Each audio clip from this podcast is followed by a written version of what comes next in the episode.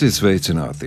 Ievadot gaidāmo dziesmu svētku 150. gada dienu, no 20. jūnija Latvijas Nacionālajā vēstures muzejā būs aplūkojama jauna, koša un dekoratīva spilgta izstāde vainagošanās, arheoloģiskie, etnogrāfiskie un laikmetīgie vainagi Latvijas kultūrā. 20. jūnijas ir zīmīgs datums vēstures muzejam, jo tieši pirms desmit gadiem šajā datumā izcēlās traģiskais ugunsgrēks Rīgas pilī, kur tolaik mitinājās vēstures muzejs. Šajā kultūras rondo dosimies uz muzeju, kurš joprojām mitinās savās pagaidu mājās brīvības būvārī, lai atminētos traģiskos notikumus pirms desmit gadiem un arī iezīmētu paredzamo atgriešanos mājās 25. gadā. Un, protams, pētīsim izstādi vainagošanās. Atrodos Latvijas Nacionālajā vēstures muzejā Brīvības būvārī un mani sagaida muzeja direktora vietniece krājuma darbā Anita Meinarte un direktora vietnieks zinātniskajā darbā Toms Čikuts. Kā allaž mūsu tikšanās reizēs abi smaidīgi, rosīgi un jaunu ideju pārņemti. Tomēr, tuvojoties zīmīgajam 20. jūnijam, vaicāja Anitai Meinartei par to, kā viņa atminās traģisko ugunsgrēku. Pirms desmitiem, kad man piezvanīja kolēģi, ar, ar tādu pavisam dīvainu teikumu, kā viņi toreiz uztver, ka pilī ir ugunsgrēks un ka tā jums pasaka, ja tad gribas jautāt, vai tas tiešām tā. Un tad man meita ieslēdza datoru un es ieraudzīju to, to fotografiju, nu, attēlu, fotografiju, bet attēlu. Un, un tad es sapratu, ka, ka man ir jāapģērbjas, ka man ir jābrauc. Tas bija vienīgais brīdis, kad man bija panika, tas bija tās piecas minūtes mājās, kad es vienkārši, godīgi sakot, nevarēju atrast, ko uzvilkt mugurā. Un tad, kad es jau nonācu pie pilsētas, es satiku kolēģus. Tur bija Nacionālā mākslas muzeja direktora Māra Lācis un, un vēl kolēģi. Un dīvainā kārtā, ja tajā brīdī, kad tu tur esi, tā panika pazūd. Un tad vienkārši sāc domāt, ko tu vari darīt. Ja? Nu, protams, ka, ka, ka, ka mm, nu, galvenais ir, ir novērst uguns nelaimi, un, un tad man noteikti ir atkal jāatcerās. Kristaps Sekunds, ja es pareizi atceros, viņa amatu tajā brīdī viņš bija ugunsdzēsības un glābšanas dienesta priekšnieka vietnieks, kas arī bija viens no cilvēkiem, kas vadīja šos ugunsdzēšanas darbus. Un tajā brīdī, kad nu, tas draudīgākais jau bija novērsts, jau faktiski ugunsgrēks bija nodzēsts, mēs pirms tam nu, visu laiku uzturot tādas sarunas ar, ar Kristapeku. Un, nu, mēs viņam pastāstījām, ka tur ir viena brīnišķīga izstāde. Izstāde saucās Latvijas, Latvijas vēstures simts relikvijas, ka tur ir ļoti vērtīgi priekšmeti kultūra vēsturiskā ziņā, ka tie ir izcili priekšmeti. Un, un, Nu, mēs lūdzām to iespēju, ja vismaz, vismaz novērtēt, ja, vai, vai mēs tur varam iet iekšā viņa pavadībā vai nē. Protams, ka galvenais ir cilvēku drošība. Un tajā brīdī, kad eh, Kristaps Eklons bija pārliecināts, ka to var izdarīt, viņš atļāva man, direktoram Arnim Radiņam un datortīklu administratoram Jānim Tīkulim šajā izstāžu zālē iet. Tas, kas tur notika, bija tā apmēram, ka tur ir ūdens siena, kas šļācās virsū. Un, un tad viņš jautāja, nu, kas būs mūsu lēmums. Ja, vai mēs gribam iznest? Sākumā mēs lūdzām trīs lietas, un es pat varu eh, divas, eh, divas noteikti pateikt, jo tas bija karoks, ko savā laikā Evalds Valters un Alberts Bels uzvilka svētā gartonī, kas bija izstādēts šajā izstādē. Tur bija Kalnomežas baznīcas altāra glezna, kas bija tikko restaurēta. Un tad, acīm redzot, nu, man tiešām viņam jāsaka paldies, jo, jo nu, viņš izprot gan to mūsu izmisumu, gan to, ko mēs varam zaudēt. Un viņš arī pieaicināja savus kolēģus, un viņš teica, jūs esat gatavi, mēs palīdzēsim, nesiet ārā visu. Ja? Un, un tā arī notika, ka mēs praktiski šos visus priekšmetus iznesām. Uh, viņi tika nolikti nu, vismaz sausā vietā, ja tajā naktī pret rītu jau bija gaišs. Um, salikām tā, lai nu, vismaz daudz maz kaut kas tur mēģina žūt. Un, un tad, protams, otrā rītā jā, tad jau, tad jau bija darbs restauratoriem. Man jāsaka, Nu, es negribu teikt, ka tā bija laime, nelaime. Es, es to negribu nosaukt par laimi, bet, bet tā bija tā apstākļa sakritība, ka mēs varējām tur iet, ka mēs varējām iznest, ka restaurātori varēja sākt strādāt. Varētu teikt, ka faktiski tas, kas tur tika nodarīts, jau priekšmeti tika salieti. Nu, tas arī praktiski tika novērsts. Jā, ir varbūt tādi, tādi varbūt atsevišķi bojājumi, bet, bet nu, restaurātori izdarīja visu iespējamo un neiespējamo, ja, lai mēs šos priekšmetus atkal redzētu gan esošajā ekspozīcijā, gan noteikti arī jaunajā. Jūs minējāt šo teicienu laime, nelaimē. Mēs pēdējos pusotru gadu esam pieraduši pie tā, ka mēs mācāmies nosaukt lietas savos vārdos par tādām, kādas mēs vispār nevarējām iedomāties. Tāpēc varbūt es arī tomēr iedrošināšos padomāt, un varbūt jūs varat pateikt, vai ir kaut kas ne tikai zaudēts, bet arī iegūts no šīs nelaimes. Es tā atceros, kā jūs te mocījāties par šīm telpām, pārvākšanās un viss. Un man liekas, ka lai nu kurš, bet vēstures muzejs ir nu, saka, tā saliedējies šajā nelaimē, ka stiprāku komandu par jums laikam Latvijā grūti pat atrast. Vai tā ir kaut kāda arī veiksme, laime, es nezinu, jūsu muzeja dzīvē? Es domāju, ka kopumā, protams, ka ugunsgrēks nenoliedzami iedeva vai piespieda pilnīgi jaunai tādai intensitātei. Nu, tas vienkārši bija jādara un, un, un viss. Un pirmais, protams, bija krājums, un tam tik īsā laikā atrasts jauns pagaidu telpas Latvijas ielā. Uh, un pēc tam jau sekoja tā ilgi plānotā faktiski jau pārvākšanās uz Pulka ielu. Tātad šajos desmit gados faktiski divas miljonu pārvešanas reizes, no kuras ir milzīga kolēģa enerģija ieguldīta. Jo tā, nu, tā nav vienkārši noliktavas pārvešana.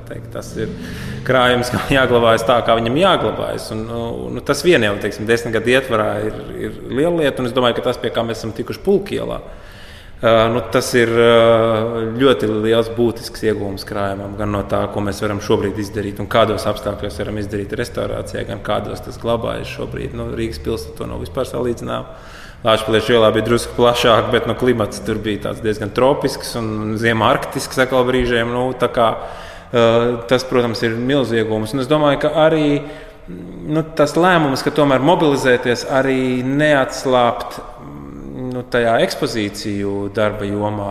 Un neteikt, nē, nu, ka mēs nu, tagad netaisīsim pamata ekspozīciju un vairs nekomunicēsim ar savu apmeklētāju. Nu, mēs varējām pilnīgi mierīgi pateikt, nu, gaidīsim pīli un tad iesim atpakaļ. Bet mēs būtu zaudējuši savu, savu auditoriju. Mēs tomēr teicām, jā, ka mēs iesim uz brīvības būvēt 3-2, lai kāds telpas tās būtu. Un patiesībā ļoti īsā laikā šo pamatekspozīciju izveidojām. Tomēr. Labi, nu, viņi ir tādās pielāgotās telpās, kādās viņi ir. Bet nu, šobrīd, paskaitot, ka te ir vairāk kā 180 tūkstoši cilvēku izgājuši cauri šajos gados, nu, citādi viņi nebūtu šo Latvijas vēstures stāstu redzējuši. Un, un, protams, ka arī jaunas formas, jauni veidi, jauna komunikācijas, jauni pasākumu veidi. Tas viss bija, un paralēli tam, kas notika šajā krājuma jomā, tas viss tika darīts. Mēs varam teikt, ka tas ir attaisnojies, ka tā, tas izdarītais mums iedod arī jaunu nu, bagāžu, pieredzi, spēku, pārliecību, ka daudz ko var izdarīt, arī skatoties uz to, kas mums stāv priekšā, vēl atpakaļ dodoties uz Rīgas pilsētu. Es to palasīju, to padarīju darbu sarakstu, ja visu, ko jūs te arī minējāt, bet, nu, kad tiek uzskaitīts, es domāju, ne, nu, tas ir kaut kāds ārprāts. Par gaidīšanas režīmu te vispār nav nekādas runas, jo darba apjoms, tas, kas bija jau tikai pārvācoties šeit, es nezinu, kādu laiku aizņēma, bet tas ir patiešām neticami. Tad man paņem bailes, kas notiks, ka jūs atgriezīsieties attīstīsies Rīgas pilī. Varbūt jums būs tik rokas vaļā, ka jums tie plāni jau ir saplānoti. Kā tas notiks? Nu, mēs šobrīd attiecībā uz Rīgas pili ir tā, ka arī ļoti intensīvs posms patiesībā šis gads. Šobrīd notiek dizaina pretendentu, tātad dizaineru meklēšana visām jaunajām pilsētas ekspozīcijām. Šobrīd ir pabeigti no nu, tādi sākotnēji izstāžu plāni. Uh, tam, kas tur būs no 2025. gada sākuma, kad ekspozīcijas tiks atklātas. Un, un, un tāds ļoti aktīvs posms, muzeja pārzīmološana, domāšana par jaunu mājaslapu, viss tas, kas ir jaunam muzejam piedien, tas viss ir šobrīd dienas kārtībā. Jo nu, krājuma darbs, protams, nekad nebeidzas. Tas visu laiku ir paralēli. Pētniecības projekti arī nē, bet šo, šobrīd tā ir tā, tā lielā, lielā mm, aktualitāte. Un, un, protams, ka Rīgas pilsēta mēs ļoti ceram uz tām jaunajām iespējām, ko tā dos. Diemžēl tā būs tikai trešdaļa. Kaut gan 15. gadā bija uzprojektēts viss tas kastels apjoms, kas pienāks Nacionālajā vēstures muzejam pēc šī brīža plāniem. Bet, nu, līdzekļu trūkuma dēļ mēs dabūsim tikai vienu pilsētu korpusu Bet centīsimies nu, salikt tur tomēr tādu kombināciju, lai apmeklētājs sajūta gan to pilsētas reprezentativitāti, gan mm, tomēr arī to Latvijas vēstures pārskatu. Kaut gan pamatekspozīcijas nebūs tādā formā. Bet divas trešdaļas tās ir norakstītas jau pavisam? Nu, tās nav pavisam norakstītas. Tās ir gan šobrīd ir skaidrs, ka viņas ir daļai jāpārprojektē, jo tas, kas 15. gadā bija uzzīmēts, ar šobrīd nevar funkcionēt, tāpēc, ka arheoloģiski atradumi daudz kas cits pilī. Bet nu, šobrīd nav skaidrs, kā tie būvniecības darbi varēs turpināties tieši naudas trūkuma dēļ. Jo, protams, ka būvniecības izmaksas ir nu, vismaz dubultojušās. Bet tā perspektīva varētu būt, ka pilnā apjomā tas būs vēstures muzejā nu, kaut kādā laikā. Mēs ļoti ceram, ka tā. Un šobrīd izskatās, ka tā tas būs. Jo, nu, Turpat grūti funkcionāli kādu citu vēl mums pielikt klāt. Es domāju, ka tāds plāns noteikti nav. Jautājums ir tikai par, par būvniecības finansēšanu. Kas ar krājumu, kā to var izplānot? Tas varētu būt pietiekami sarežģīti. Kas ir rādāms, kas turams, glabājams, arī pūkielā tā skaitā. Cik lielā mērā mēs varam cerēt uz ekspozīcijas palielinājumu, pārvācoties uz Rīgas pilsētu? Nu, kā kolēģis Toms teica, ka noteikti tad, kad mēs kādreiz varēsim uztaisīt pilnu Latvijas vēstures ekspozīciju pilī, tad, tad protams, jā, arī. Arī krājums par dažādām tēmām kļūst pieejams, bet nu, e, vispār, lai aptvertu to, ko glabā muzejs. Nu, mums ir tāds apmēram tas skaitlis, ko mēs visur sakām, mums ir viens miljons apmēram, ja mēs esam miljonāri. Un tad man pat grūti pateikt, vai ekspozīcijā ir tas viens procents. Ja, varbūt ir, varbūt nav, bet ir jau visas iespējas, ko ko kā krājumu var iepazīt arī, arī citādā veidā. Pirmkārt, tās ir grāmatas, kas top jau uz mūsu kolekciju bāzes. Arī, arī perspektīvā, nu, vismaz šī gada laikā, vai, vai nākamā arī ir gaidām jauna izdevuma. Mums ir e-muzejs. Ja? Aicinu ielūkoties mājaslapā. Ir Nacionālais muzeja krājuma kopkatalogs, ir visas šīs daudzās izstādes, arī vainaga izstāde, ko mēs nu, teikt, dāvinam sabiedrībai.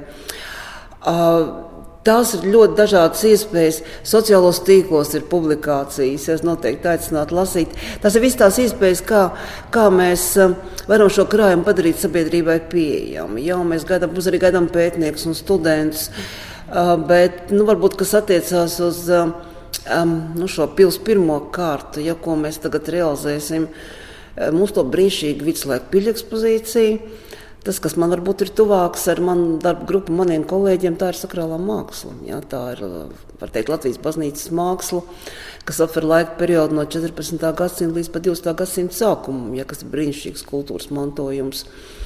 Tā kā Ja es domāju par plānošanu šādā veidā, jā, bet katrā ziņā vis, vis, vis, visi tie, tie blakus produkti, ja, kas mums radās bez tā, ka tu skati reāli priekšmetu, uh, Tas viss faktiski attiecās uz šo, šo krājumu. Nu, atdošana sabiedrībai, ļaušana iepazīt, skatīt. Um, Bet man šis Toma teiktais tā tāda bīstama lieta, kas man atkal iekrīt ausīs. Viņš teica, 15. gadā plānojam, tas viss jau vairs neatbilst. Tad tagad ir 23. būs 25. un tad, kamēr plānos, tikmēr atkal neatbild, jo šī geometriskā progresija bīstami pieaug. Es nespēju iedomāties, kas, kāda varētu būt, cik lielā mērā mēs varam paredzēt nākotni un kā muzejs vispār uz to var reaģēt. Ja būs pastāvīga ekspozīcija, nu, tā taču būs ilgam laikam. Nē, nu, protams, ka tā, būt, tā būs ilgam laikam. Un... Nu, mums atliek tikai cerēt, ja, ka nebūs, nebūs desmit gadus, um, ka tas netaps tik ilgi, cik taps slavenā pulkiela. Uh, mums jau arī paudzes bija nomainījušās no pirmajiem projektiem, arī pagājušā gadsimta uh, beigās. Bet, bet kā jau teicu, kad, kad, tā ir ļoti, ļoti būtiska lieta, ka mēs šo krājumu plānojam katru gadu. Jauns, teiksim, pašlaik mums ir pieminiekta valdes jā, dibināšanas gadsimta atcerība. Mums ir ļoti daudz publikāciju Facebook, un tā šo krājumu var iepazīt. Un es domāju, ka mums taps un taps vēl grāmatas, popularizējot kolekcijas. Starp citu, arī, arī vainagistē būs katalogs. Mm -hmm. Nu, pat mums iznāca nesen arī tāds ļoti populārs izdevums, kas laikam ir kļuvis par bibliogrāfisku kretumu par senajām roka, rotām. Ir autori mūsu kādreizējā kolēģa Baiva Vaska. Šis, šis ir tāds, nu, varētu teikt, koks ar ļoti daudziem zariem. Ja? Protams, ekspozīcijas telpas ir ierobežotas, ja mēs varam kaut kādu noteiktu e, nu, parādīt. Ja? priekšmets, kas cilvēku vedina Latvijas vēsturi iepazīt. Bet tas, kas tas zars, kas aiziet uz visiem šiem manis nosauktajiem virzieniem un droši vien arī nenosauktajiem, Es, es noteikti vienkārši um, aicinu cilvēkus uh, ieskatīties, ieklausīties, ieskatīties mūsu grāmatās, nākt arī uz mūsu izstādēm. Un tādā veidā varbūt tas um, arī uz plānotajām izstādēm nākotnē mums ir atklāšanas izstāde ir ļoti interesanti iecerēta. Es nezinu, vai tagad vajag, vajag visu pateikt līdz galam. Atklāšana tas ir 25. Tas jau būs Rīgas pilī, jā, kur varbūt arī, nu, varbūt nevajag visu pateikt līdz galam. Es nezinu, Toms grib, lai viņš atklāj šo noslēpumu. Tur būt daudz priekšmetu arī tādā ļoti interesantā veidā parādīsies. Nu, man tomēr tā praktiskā informācija ir nepieciešama. Būs pārāvums, un ja būs, tad uz cik ilgu laiku jau pārvākšanās, nu, tas nav gluži vienistabs dzīvoklis. Jā, nu šī brīža plāns tāds, ka brīvis būvārs strādā līdz 24. gada maija beigām. Tad aizvedīsim muzeja nakti nākamajā gadā. Un tad nu, šobrīd mūsu nomas attiecības ar valsts nekustamiem īpašumiem attiecībā uz Rīgas pīli eh, sākas nākamā gada septembrī. Un tad droši vien tajā pirmajā posmā nu, atkarīgs no tā, kā notiks objektu nodošana un kā notiks arī ekspozīcija plānošana. Bet šķiet, ka sākotnēji varētu būt nu, teiksim, atvērta pilsētas sabiedrība arī arhitektoniskai izziņai, vai ne bez tādām izvērstām ekspozīcijām kādu īsu brīdi. Un tad 25. gada sākumā mēs ķertos jau pie jaunā ekspozīciju būvēšanas pilī. Tā kā tas pārāvums bez ekspozīcijām būs, bet nu, ne pārāk ilgs. Jo nu, tas, nu, tā bija mūsu pārliecība arī nākot šeit, pagaidu telpās, ir Bulgārija 32, nu, ka to auditoriju tomēr eh, visu laiku ir jāpietur. Eh, tad mums jābūt pieejamiem arī tajā ekspozīcijā formā. 25. gada kurš mēnesis varētu būt? Nu, tā būs, mēs šobrīd sakām, pirmais pusgads, jo nu, mēs jāskatās, cik sarežģīti būs arī šie dizaina risinājumi eh, ieplānotie. Uh, tas būs saistīts ar ražošanas ilgumu, šo objektu, jo tas viss būs, protams, jauns. Mēs ceram, teiksim, ar jaunu aprīkojumu, jaunām vitrīnām, jaunu scenogrāfiju bez šaubām. Un, un, un tas, kas šeit ir ar 30 gadu mantojumu, ko mēs pārvedām no pilnas brīvības būvāra un šeit nodzīvojām vēl šos desmit gadus ar tām pašām daudzām vitrīnām un tā tālāk. Tas, nu, tas, tas beigsies. Un, un, un tur nu, būs tas, kas 21. gadsimta sākumam ir nepieciešams. Nu, jā, nu, daudzi muzeja apmeklētāji tagad, piemēram, aiziet uz okupācijas muzeju. Viņi saka, lūk, šāds ir mūsu nākotnes muzejs, un tādiem būtu jābūt. Es domāju, ka par vēstures muzeju droši vien varēs teikt to pašu. Kaut gan it kā gribētu domāt, ka nu, pats galvenais tomēr ir tas saturs. Par saturu man tagad tādas bažīgas domas ir, jo man tūlīt jāiet uz vainagu izstādi. Nu, tāda dikti sievišķīga padarīšana. Nu, to es nezinu, man jālūdz jūs iedrošināt, tā ir kungu izstāde arī. Jā, vainagi, vainagi izstāde. Šis konkrētais piedāvājums, es domāju, ļoti labs piemērs, kā muzeja krājuma. Tas, tas priekšmets bieži vien ir tas pats, kas jau simts un vairāk gadu ir bijis krājumā. Nu, viņš ir bijis, viņš ir dāvināts kaut kur ekspedīcijā, Dienvidkurzemē, saņemts, gulējis, eksponēts, bijis kādā katalogā, varbūt galvā kādā tautstarp komplektā, nofotografēts, publicēts, zināms. Un šī izstāde um, iedod pilnīgi citu perspektīvu, skatā uz vainagu tādā nozīmē, ka šī vīrieša balss parādās dzējā un būs piecu dzējdaru um, dzējoļu izstādē kurā uz vainagiem pastīsies no vīriešu perspektīvas. Ja? Tad, tad, tas ir tas, kā muzejs nu, dzīvo. It kā tas saturs ir tas pats, priekšmets tas pats, bet cik dažādi radoši tu vari uh, nu, piedāvāt, padomāt par to, ko tas ir nozīmējis. Un tīpaši tik simbols daudznozīmīgam priekšmetam kā vainags. Man liekas, ka ļoti labi izstāstīts autoru, kuratoru ideja. Un, uh, es man jau arī parādīju šos dzīvoļus pirms likšanas uz sienas. Man da, dažs patiešām ļoti aizkustināja. Es domāju, nu, kā tas ir pasūtījuma darbu uzrakstīt. Un tagad vīrietim domā par vainagu. Bet es teiktu, ka ir vērts pat atnākt izlasīt dzējoļus uz sienas, ja, kas ir tapuši par šo tēmu, ja nevar sagaidīt katalogu rudenī. Paldies, iedrošinājāt. Es došos tagad skatīt eh, vainagu izstādi un mēģināt saprast, kur ir tās vīrišķās un sievišķās attiecības, skatoties caur vainagu. Es ceru, tās arī ieraudzīt. Paldies! Es saku par sarunu Anitai Mēnertē un Tomam Čikutam. Paldies jums! Paldies! Paldies. Latvijas Nacionālā vēstures muzeja izstāde vainagošanās, vainagošanās arheoloģiskie, etnogrāfiskie un laikmetīgie vainagi Latvijas kultūrā. Šobrīd atrodos starp vainagiem un vēl dažiem darba instrumentiem, jo izstāde vēl tikai gatavojas savai atklāšanas dienai, bet man ir blakus vēsturniece, Latvijas Nacionālā vēstures muzeja arheoloģijas departamenta pētniece Irita Žējere un arī etnogrāfa vēstures muzeja apģērba un tekstilu kolekcijas galvenā glabātāja Inita Hēnola kā arī no Mākslas akadēmijas. Mācību spēkiem šajā izstādē, starp citu, ļoti nozīmīgu lomu pārstāv Mākslas akadēmija Barbara Ābele. Labdien jums visām! Un, nu, Irīt, man tomēr jums laikam jāvaicā, jo tā jūsu vēsture saistībā ar, ar vainagiem arī saistās jau daudzu gadu garumā. Ja jums kāds tagad jautā dažos teikumos pastāstīt, kas tad ir? šajā izstādē, vai tiešām pirmo reizi vainagi tiek izstādīti tik lielā klāstā un laika amplitūdā? Nu jā, šoreiz mēs rādām tikai un vienīgi vainagus. Parasti jau vainagus rāda kopā ar tērpiem, kas arī nu, tā piedienās, bet mēs gribējām izcelt šoreiz priekšplānā tikai vainagus, lai cilvēki it kā šos zināmos priekšmetus paskatītos uz viņiem ar savādākām acīm. Uh, Un līdz ar to mēs esam sarūpējuši ļoti daudz vainagus, daudzi no tiem pirmo reizi ir eksponēti. Un, Tas ir iemesls, kāpēc pirmo reizi? Uh, nu, viņi ļoti pārsvarā šie priekšmeti ļoti slikti saglabājušies, un tāpēc jāiegūt lielas pūles, lai viņus varētu eksponēt, lai viņi vispār būtu rādāmi, lai viņi varētu uh, stāvēt vitrīnās. Tāpēc ļoti daudz šeit ir darījuši restauratori. Faktiski pateicoties viņiem, arī lielā mērā tikai šī izstāde tik krāšņi varēja tapt.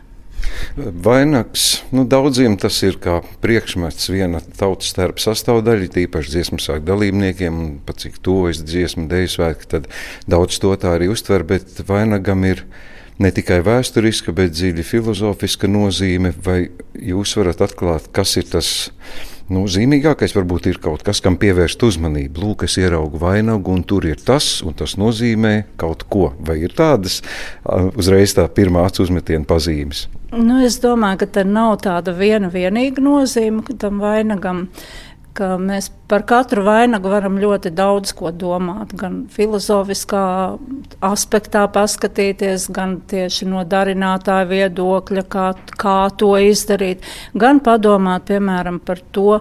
Uh, kā, kāpēc tas vainags ir tapis, kas viņu ir nēsājis, kādas pūles bijis jāiegūt, lai pie tā vainaga tiktu, kāda tā dzīve tai nēsātājai ir bijusi. Jo nu, mēs šeit runājam tikai par sieviešu vainagiem. Protams, kaut gan zināms, ka vispār pasaulē vainagus arī vīrieši nēsāja, bet nu, šeit tādu nav. Tā kā es domāju, nu, vainagam jau kā priekšmetam tā mm, ietilpība, tā doma ietilpība ir ļoti plaša. Tur ir gan, gan mīte apakšā, gan, gan, gan, gan dažādas sadzīviskas lietas. Tā kā nu, ārkārtīgi plaši, es domāju, tā. Bet tādas tiešas pazīmes, kas par kaut ko liecina? Nu, ir um, etnogra um, etnogrāfiskajā kolekcijā pilnīgi noteikti tādi ir. Jā, tie ir tie saucamie līgau vainagi, bet nu, par to droši vien, ka speciālisti labāk izstāstīs, bet arheoloģiskajā materiālā e, mums nav šāda nodalījuma. E, tur vispār vainagam ir pilnīgi cita nozīme tajā laikā, jo tas nav kā tāds nevainības simbols, vai nu, viņam ir drīzāk status vai aizsargājoša nozīme šim vainagam senākajos laikos. Līdz ar to tā, e, tā nu, vainaga tā doma arī laika gaitā ir mainījusies un nu, ļoti plašā amplitūdā. Kas ir tas senākais no redzamajiem izstādē? Varat parādīt? Jā, varu parādīt. Senākais vainags ir no 6. gadsimta. Šis te spirāļu vainags zemgalē atrasts. Nu, piemēram, šim vainagam, skatoties uz šo nu, šķietami ļoti vienkāršo arhitektūru, Ko mēs varam spriest par to, ko tas ir nozīmējis? Varbūt, ka turība tomēr ne jau daudzām sievām vai meitām bija iespēja šādu vainagu valkāt? Nu, te dažādas iespējas. Viens, protams, turība, jo jāatcerās, ka bronzu pie mums Latvijā neieguva, tātad šie materiāli visi bija ievesti. Šos te materiālus varēja apstrādāt tikai īpaši speciālists kuram bija instrumenti, kuram bija zināšanas, katrs to nevarēja izgatavot. Tieši tāpēc šis vainags bija ļoti dārgs. Nu, jebkura, jebkura lieta no bronzas bija ļoti dārga, un visiem arī nebija šie vainagi. Otrs aspekts, ko mēs varam domāt, ir Viņš varbūt šobrīd neizskatās tik, tik skaists un spožs, bet viņš kādreiz nu, mirdzēja tāds zeltains, mēs viņu varam asociēt ar ar tādu saules apli, ja, kaut kāda aizsar, nu, varbūt tas viņam kaut kāda aizsargājoša arī vienlaiks ir bijusi, nu, iet domu tāda aizsardzība varbūt, vai, Nu, mēs jau varam tikai minēt, jo neviens īsti nezina, kāda, kāda tam vainagam tā nozīme toreiz bija. Bet katrā ziņā nu, tas bija noteikti arī prestiža priekšmets. Vai no muzejisko vērtību viedokļa tas senākais ir tas vērtīgākais, vai ir arī kaut kāda cita izņēmuma no citiem laikiem? Nē, nu, protams, ir visādi gadījumi. Senākais, protams, vienmēr būs ļoti vērtīgs, bet ir arī nu, kaut kādi lieli retumi vai, vai kaut kādi īpaši materiāli vai īpaša tehnika. Nu, dažādi var šie aspekti būt. Nu, vēl kādu piemēru mēs varam apstīties, varbūt viskrāšņāko pameklēsim, jo Man šeit licies, ka varbūt ka suiti tos krāšņākos valkājus, varbūt tas ir tikai maldīgs priekšstats. Nu, tad jums ir jāiet uz pie etnogrāfiskās kolekcijas vainagiem. Tas ir 19. gadsimts. Tas jau ir 19. gadsimts. Un, nu jā, tur, tur jau pilnīgi citi materiāli un, un, un citas izpausmes, cits tā teikt segums šim te vainagam. Ir bijuši modes periodi, kādi vainagiem, kādi tie ir bijuši, kad tie bija? nu, viņi periodiski parādās. Piemēram, ar, sākot ar 13. gadsimtu ļoti uh, iecienīti kļūst uh, auduma vainagi no auduma darināti, kuri nomainīja šos metāla vainagus. Tad atkal ap 15. un 16. gadsimtu atkal parādās cita veida materiāli. Atkal ir bronza, bet pilnīgi savādākā izpildījumā tādas pilsētu amatnieku darinātas. Tādas skārdas slo, sloksnes, no kurām taisīja vainagus. Uh, Un, nu, tā, un, protams, arī vēlākā laikā jau tomēr tāda modes lieta, ir sevišķi šie te vainagi, viņi jau ļoti līdzīgi ir uh, plašā Eiropas teritorijā. Nu, protams, izpildījums ir katrā vietā savādāks, bet kopumā vizuāli viņi ir ļoti līdzīgi atšķirībā no tiem senākajiem, kas tomēr tādi ļoti lokāli. Vai būtu pareizi uzskatīt, jo nesenāka vēsture, jo ir pieaugušas tehnoloģiskās iespējamības vai meistaru, meistarība un tie vainagi ir kļuvuši sarežģītāki? Nu, Tā varētu teikt, varbūt. Nezinu. Tas, jā, tas tiešām jāprasa ir, ir šī perioda speciāliste. Es tad varbūt tik uh, nebūšu tik zinoša. Labi, paprasīsim Initai. Inita, sakiet, jūsu pārziņā esošie vainagi? Vai tie ir uzskatāmi par ļoti lieliski un vienkārši saglabājumiem, vai tie ir arī labi saglabājušies, vai kaut kādas problēmas bijušas tiem savā dzīvē? Redziet, salīdzinoši ar arheoloģisko materiālu, viņi izskatās ļoti labi, ja? bet, ja sāk iedziļināties tajā visā materiālā, tad nemaz jau tik labi un ne tik skaistiem priekšmetiem nav gājis dzīvē. Un, uh, varbūt šo te uh, tā viena tā īpatnība, kas ir 19. gadsimta priekšmetiem, runājot par materiāliem, šeit sastopas tie dažādie jaunie materiāli, kas ienāk. Un šajos vainagos šie materiāli arī satiekās. Un pie kaut kādiem tādiem varbūt zināmām tādām, nu, mēs sakām, klimatiskām izmaiņām un visādām savādākām izmaiņām, ja, to, nu, kas ir ietekmējuši šos vainagus, šie materiāli sāk savstarpēji iedarboties viens uz otru.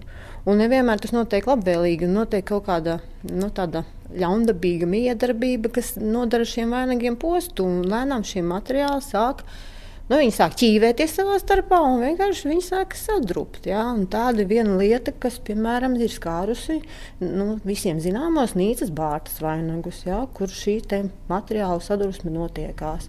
Tāpat arī šī materiāla sadursme notiekās eh, vidzemes pusē valkātajiem, lietotajiem vainagiem, kura zem pērlīšu izšūma, stikla pērlīšu izšūma ir brokāta lente. Un šeit arī notiek šī miedarbība un nu, nu, tādi dažādi procesi. Kas... Minēšu, ka stikla pērlīte ir uzvarējusi. Stikla, stikla pērlīte nevar teikt, ka viņa ir uzvarējusi. Viņa ir viena no tām, kas, um, kas zaudē šajā cīņā. Tiešām jā. izrādās otrādi. Izrādās otrādi Vai jā. jums ir kāds piemērs, ko jūs varētu man parādīt, kur šī cīņa ir bijusi, kur jums varbūt ir izdevies apturēt? Nu, tad aiziesim līdz uh, Malienas vainagam. Nu, redziet, šeit ir viens konkrēts piemērs. Šis te vainags ir viņam sarkana auduma pamatiņš, tad ir šī brokāta lente apakšā. Un uz brokāta lentes ir uh, stikla, salmiņu un uh, pērlīšu, apaļo pērlīšu izšūms. Un, kā atklājās, nonākot pie restauratoriem, nu, tā kā vizuāli jau bija skaidrs, ka tur kaut kas nav labi. Ja? Tur tāda zaļu, zaļa patīna parādījusies un kaut kas tamlīdzīgs. Nu, tad vienkārši restauratori sāk lēnām skatīties, kas tur notiek. Mm, beig beigās viņi dabūja ņemt to banti gandrīz vai nost, ja? un tur tādā telpā, kas ir veltīta tieši restauratoru darbam, pateicoties kuru darbam šis viss varēja būt vispār izstādīts. Ja? Var redzēt, kā eh, ir rīkojušies restauratori šo priekšmetu. Nu, iz, iznāk tā, ka tajās bildēs var redzēt, it kā tam, it kā tam vainagam iekšas būtu uz āru. Nu, es tā izsakos, ja, bet nu, tas ir iespaidīgi, jo tas darbs ir ļoti skrupulos, ilgs. Un tur ir jāpēta, kā to darīt, kas tur notiek, un tikai pēc tam var sākt darboties ar to visu. Un pēc tam tas viss, kad ir iztīrīts, ir jādabū atkal kopā. Kā jūs pati varētu teikt, ar ko jūs lepojaties šajā izstādē? Kas ir tas, e, nu, ko tiešām neviens nav redzējis un kas būtu nu, obligāti jāredz un jāzina galvenais par tā vēsturi? Ir jums tādi iz, izcilnieki vainagi? Nu, vispirms es gribētu pateikt to, ka um, mūsu muzeja kolekcija, visa kopumā tā apģērba kolekcija, tā ir patiesībā jau gadsimtu varbūt ilgāk ir bijis tas pamats, uz kura bāzes ir veidojušies visi patiesībā mūsu priekšstati par to, kā ir ģērbušies cilvēki 19. gadsimtā un pirms tam, ja, 18. gadsimtā. Jo mēs glabājam priekšmetus, kuri, varbūt, kuri patiesībā nekur citur vairs nav. Piemēram, šis mazais vainagdziņš no zemgājas nu, tiek uzskatīts, ka tas ir zemgājas līgavas vainags. Jā. Tās tur blakus tas ir no uh, drustu pagasta vecdrustiem. Tas ir arī īpašs priekšmets. Tikai viens tāds. Ja. Katram no viņiem ir kaut kādas īpatnības. Piemēram, šis vainags, ja, kur ir tādām brokāta lentēm, saucamais. Nav nevienas pērlītes. Jā, nav nevienas pērlītes. Ja. It, it kā viņš tāds parasts, tā kā spainīts, ja, jo par viņu arī aprakstos teikts, tā kā spannis galvā. Ja. Nu, tas ar mums ir vienīgais tāds. Es tā, gan līdz pārliecībai varētu teikt, ka nekur citur Latvijā nu, nav atrodami daudzi no šiem priekšmetiem, kas pie mums kā paraugi ir.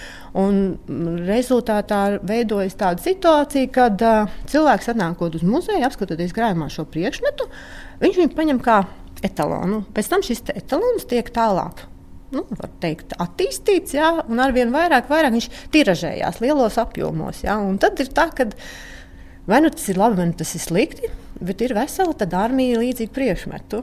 Ja, mēs tā kā no vienas puses mēs kā, m, gribam, lai būtu viss pareizi un tā kā bija kādreiz, bet tajā pašā laikā mēs e, nu, tā ļoti nu, nemākam varbūt, uh, attīstīt to seno tā, ar tādu lielu cieņu.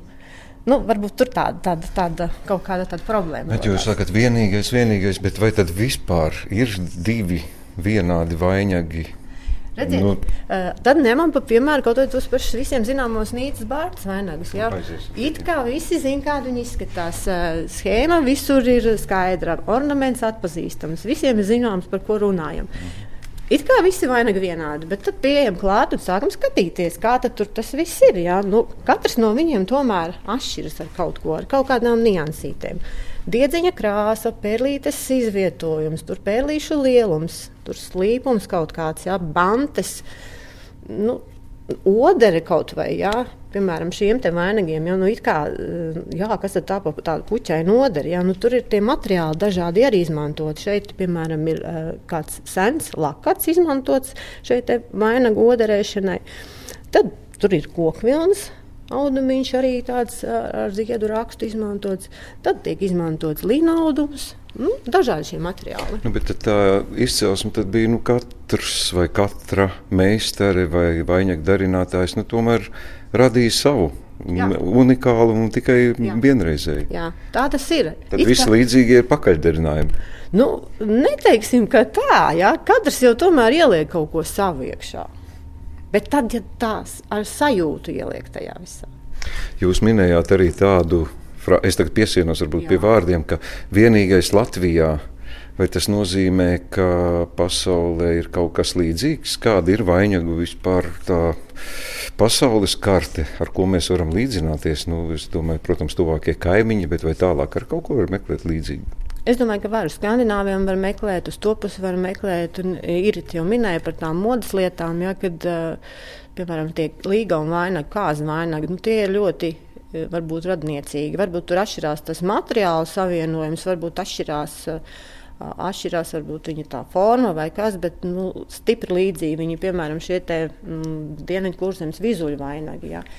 Nu, kaut kur līdzīgi ir mm, Norvēģiem, jā, tā varētu teikt.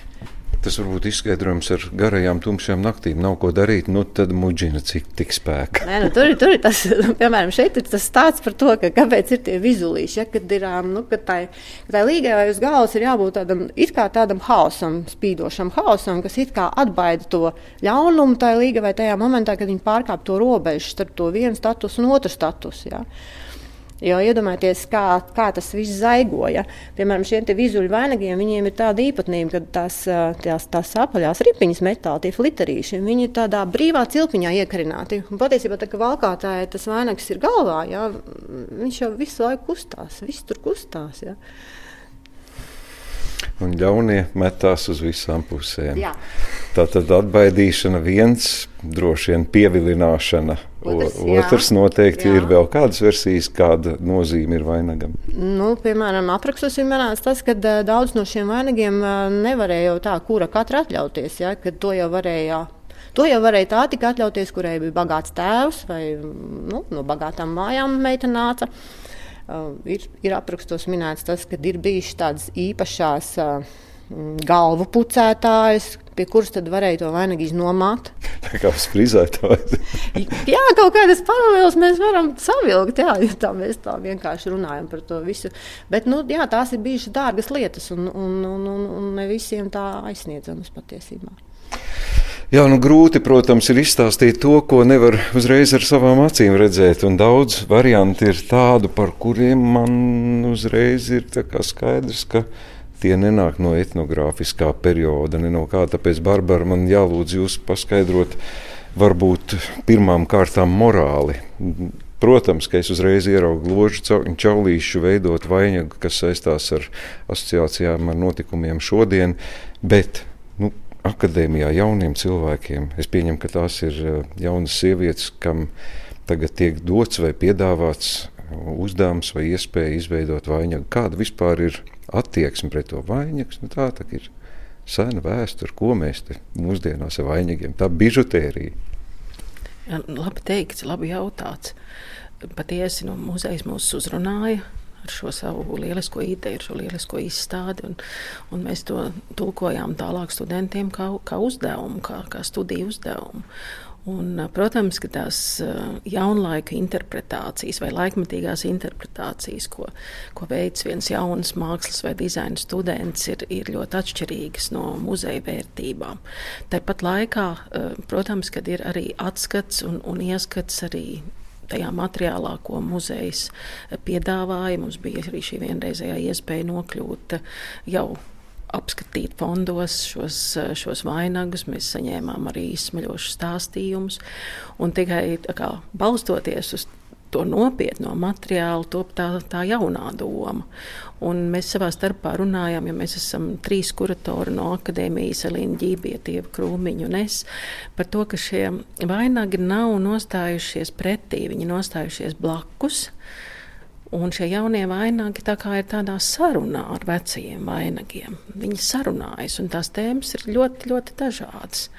Um, jau pieminētā vai ne, uh, kara tēma, šis uh, ložu čaulīšu vainags tā arī saucās, vai šī rota bija tā vērta, vai atkal um, betonā veidots vainags, kas ir tā kā, nu, tulkojums dzīves smagumam, kas katram mums uzguļās plecos vai galvā reiz. Un, tur ir tādā vienkārša atskaites sistēmā strīpotas strīpiņas. Dienas skaitītas, ne, kad šis smagums beigsies, kad varēs tikt no tā vaļā.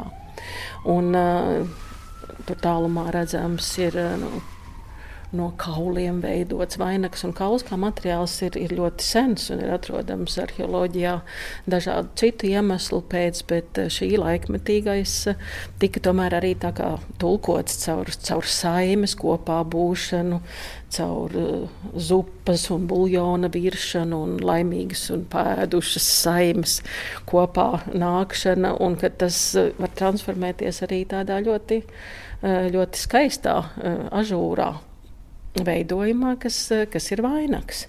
Es atvainojos, es iejaukšos, jo man vienkārši nāk prātā, un es varbūt aizskaršu jūs, bet tie vainagi, kas ir veidoti pirms 100, 200, un kā mēs noskaidrojam, jau pavisam daudzu simtu gadiem, viņi tika veidoti kā sievietes skaistuma priekšmets, teiksim tā. Sastāvdaļa ar kādu nozīmi. Tad mūsdienās, kad mēs lietojam vārdu dizains, tad šī laika studenti radītie ir kā dizaina priekšmeti ir, tas ir kaut kas kopīgs vai tas ir kaut kas citādāks? Tas jautājums mums nemaz neaizskar. Mums tas jautājums tieši patīk, jo tie mūsu vainagi varbūt ir tādi pļāpīgāki. Tie vainagi runā, stāsta vairāk, tā kā šodien ir pieņemts. Mēs runājam par to, kas notiek ar mums, kas notiek ar mums personīgi, kas notiek globāli. Jā, Inīt pirms tam pieminēja, ka pie skaista vainaga reiz varēja tikt tikai meita no pārtikušām mājām. Un varētu pat būt arī, ka viņas izvēle noteica tēvs. Un tēvs bija tas, kas pasūtīja un maksāja. Tad, tad šeit mēs, piemēram, studentu interpretācijās redzam šo, šo vieglo dienu. Pirms laulības un grūto dienu ienākšanu sievietes liktenī, kas ir ar nēsdodziņiem, pieraudātiem, piemēram, vai, vai atkal, teiksim, sievietes tikumu aprakstu vainagā, ja tas kādreiz bija pats par sevi saprotams status, tad šodien mēs stāstus stāstam ar vārdiem, ar rakstīto vārdu. Un, uh, un uh, varbūt, ja sievietei kādreiz tas bija svarīgi, šī nokļūšana pie vīra, vispirms instrumenta vai rīka iegūšana, vainaga iegūšana, lai būtu daļa un tad patiktu savam vīram, tad, eh, tad šodienas sievietes noteikti daudz savādāk lūkojās uz saviem izredzētajiem. Viņām ir citas expectācijas. Un līdz ar to es saku, ka tas notiek dialogā. Šie, šie vainagi, un vienlaicīgi arī vainagi toreiz bija dizaina priekšmets, jo mēs, mēs redzam šeit eh, ļoti skaidri izmantotos atšķirīgos materiālus, atbilstīgus dažādiem laikiem laikmetiem, tehnikām, tehnoloģijām, kas bija pieejamas eh, pakāpeniski un eh, bija iespējas smalkāk apstrādāt materiālus, kā, kā stikls ienāk Latvijas teritorijā, kā šīs stikla pērlītes smeldzītas. Tas ir pavisam tāds labs katalogs tam, kā, kāda bija amatniecība vai arī vēlāk rūpnieciskās iespējas, kāda bija pieejama materiāli. Un, Tā kā ir arī šī pavisam nu, pragmatiskā puse, no kā tam skaistumam tapt. Nu, bet tas vienkāršais beig beigās ar prieku, ar iedvesmu ķērās jaunā paudze klāt pie vainagiem. Ja, absolūti. Bet nu, jāsaka, ka iedvesma sākumā bija lielāka, un teiksim, tas, tas lielais jau uh, atlases posms, jau arī atsijāja tos, kuriem kā, tas entuziasms varbūt, varbūt pazuda vai nepietika spēka līdz galam, kā jebkurā radošā uh, procesā. Bet uh, kopumā es domāju, ka studenti ir ar, ārkārtīgi nu, lepni ar šo iespēju. Kad, un tieši ar to, ka drīkst nostāties blakus. Un ka tas laikmetīgais jau arī tūlīt pēc mirkļa, tas jau arī kļūst pagātne. Un atkal šīs mm, senās lietas ir, ir, ir ļoti laikmetīgas tajos savos stāstos. Es visu laiku mēģināju izvilināt kaut kādus stāstus no simtgadīgajiem vainagiem, bet es saprotu, ka ir kaut kādi stāsti no mūsdienu vainagiem ļoti reāli un zināmi. Tā taisnība. Tā ir taisnība, un jānāk ir tādēļ lūkot un lasīt tos stāstus, jo būs katram vainagam stāsts, ko ir studenti darinājuši, un būs arī šie dzējas stāsti par vainagiem. Un uh, pie studentiem piepildījās arī klāt uh, pāris amatnieki, ar kuriem jau mums ir tāda ilga draudzēšanās. Mēs mācāmies no viņiem, un viņi savukārt ietekmējas no mums. Un, un šeit ir lūkojami Siguldas uh, un arī mālpils amatnieku veidotie vainagi, un viens no tiem ir ļoti skaists un spožs vainags, kas vainago murdu. Un tas arī ir neliels stāsts par to, ka sāk, sākotnēji viss ir skaists, bet tomēr ar to skaistumu mēs arī kaut kādā veidā ieviļamies vai tiekam ievilināti. Murdā un ne tikai. ha, kādas cerības mums nokļūt vēstures muzejā ar savu vainagu? Paldies, Barbara. Es vēl iritēju tikai jautājumu, kam ir tā ideja, ka šie mūsu laika vainagi stājas cieši, cieši ar vēstures vainagiem? Nu, es nezinu, mēs to kopīgi laikam, galvenokārt laikam Inita bija iniciatora šai idejai, jo viņa arī ir mācījusies mākslas akadēmijā, līdz ar to viņai tur bija zināmi jau cilvēki, un mēs, protams, uzreiz to visu atbalstījām pārējie, jo sapratām, ka tā ir vērtība. Vai šie jaunie vainagi arī varētu palikt muzeja krājumā? Nu, tas jāprasa ir eh, mūsu krājuma glabātājai. Tiks pieņemts lēmums. jā, jā, mēs, protams, labprāt paņemtu, jo tā arī ir vēsture. Ja ne šobrīd, tad būs pēc maza brītiņa. Kā mēs zinām, tad vēsture, nu, saka, no attāluma drusciņi jāpaskatās atpakaļ, tad tā īsti varam, bet es domāju, ka viņiem tur, protams, būtu vieta. Jautājums, vai, vai gribēs studenti šķirties no šiem darbiem. Man noslēdzošais jautājums, nu, nezinu, padomājiet, kā jūs varētu tagad pārliecināt mani un man līdzīgos, jo vīriešiem vainags, kā jūs pati pirms kādu laiku minējāt, ir atņemts, un tas ir sieviešu attribūts Latvijas teritorijā. Vai būtu interesanti arī piedāvāt uh, kungiem šo izstādi, skatīt un redzēt, kas būtu priekš kungiem interesanti? Es domāju, ka kungiem noteikti vajadzētu atnākt paskatīties, varbūt arī viņiem kādas domas raisītos. Viņi tikai neuztvertu to kā tādu vizuālu priekšmetu, bet varbūt arī uh, padomātu kaut kādus dziļākus tos slāņus. Un vēl es gribētu atzīmēt, ka mums šeit ir uzaicināti um, piedalīties arī pāris dzējnieki, vairāki, un viņi ir radījuši speciāli šai izstādē dzēju, iespaidojoties no tiem vainagiem, jo mēs viņiem rādījām, stāstījām visu par, par šiem te vainagiem un, un ārkārtīgi interesanti, ko viņi radīja. es domāju, ka arī vīrieši noteikti šeit uh, kaut ko atradīs sev, ļoti aicināti uh, nākt līdzi dāmām un skatīties, vai vieni paši. Kā, nu, ir interesanti. Es domāju, ka katrs var kaut ko atrast. Bet varbūt, ka aplūkojot vainagus, arī jums radīsies vēlme runāt dzējā. Man atliek vien piebilst, ka Latvijas Nacionālais vēstures muzejs kārtējo reizi ir gatavs mūs ne tikai iepriecināt un izglītot, bet arī iedvesmot. Paldies, saku Iritai Žējerei, Initai Heinolai un Barbarai Ābelei par stāstīto, un arī jums par klausīšanos. Vainagošanās vēstures muzejā no 20. jūnija līdz pat Ziemassvētkiem.